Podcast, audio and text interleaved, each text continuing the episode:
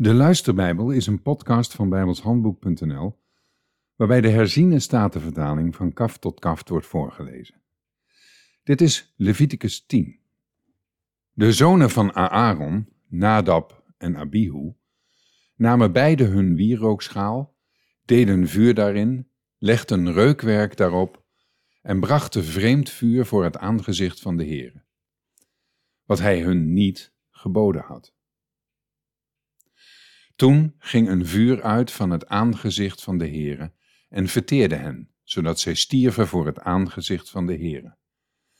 En Mozes zei tegen Aaron, dit is wat de Heere gesproken heeft. In hen die tot mij naderen, zal ik geheiligd worden en voor de ogen van heel het volk zal ik geëerd worden. Maar Aaron zweeg. Toen riep Mozes Misaël en Elzavan, de zonen van Uziel, een oom van Aaron, en zei tegen hen: Kom naar voren, draag uw broeders weg uit het heiligdom tot buiten het kamp.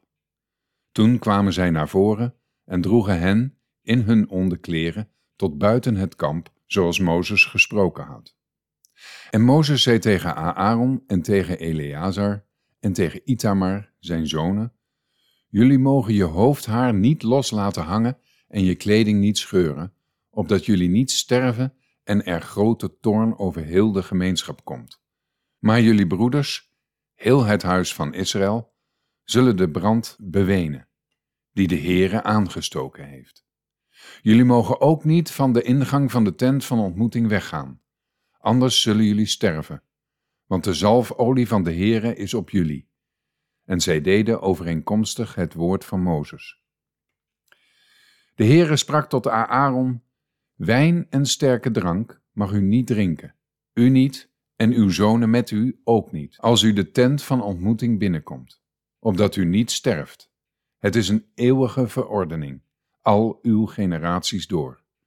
Zowel om onderscheid te kunnen maken tussen het heilige en het onheilige, tussen het onreine en het reine als om de Israëlieten in al de verordeningen te kunnen onderwijzen die de Heere door de dienst van Mozes tot hen gesproken heeft. Toen sprak Mozes tot Aaron, tot Eleazar en tot Itamar, zijn overgebleven zonen, neem het graanoffer dat van de vuuroffers van de Heere is overgebleven, en eet het ongezuurd bij het altaar, want het is allerheiligst. Jullie moeten dat eten op een heilige plaats, omdat het het aan jou toegewezen deel van de vuuroffers van de Heere is. En ook het aan je zonen toegewezen deel, want zo is het mij geboden. Verder moeten jullie het borststuk van het beweegoffer en de achterbout van het heffenoffer op een reine plaats eten. Jij en je zonen en je dochters met je. Want ze zijn uit de dankoffers van de Israëlieten gegeven als het aan jou en je zonen toegewezen deel. Tegelijk met de vuuroffers van de vetdelen moeten zij de achterbout van het heffenoffer en het borststuk van het beweegoffer brengen om ze als beweegoffer voor het aangezicht van de Heere te bewegen.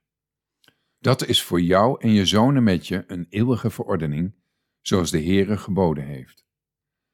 Toen zocht Mozes zorgvuldig naar de bok van het zondoffer. Maar zie, het was verbrand.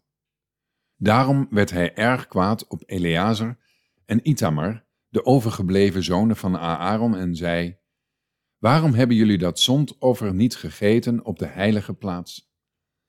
Want het is allerheiligst, en hij heeft jullie dat gegeven opdat jullie de ongerechtigheid van de gemeenschap zouden dragen, om daarvoor verzoening te doen voor het aangezicht van de Heere. Zie, het bloed ervan is niet binnen in het heiligdom gebracht. Jullie hadden het zondoffer beslist in het heiligdom moeten eten, zoals ik geboden heb.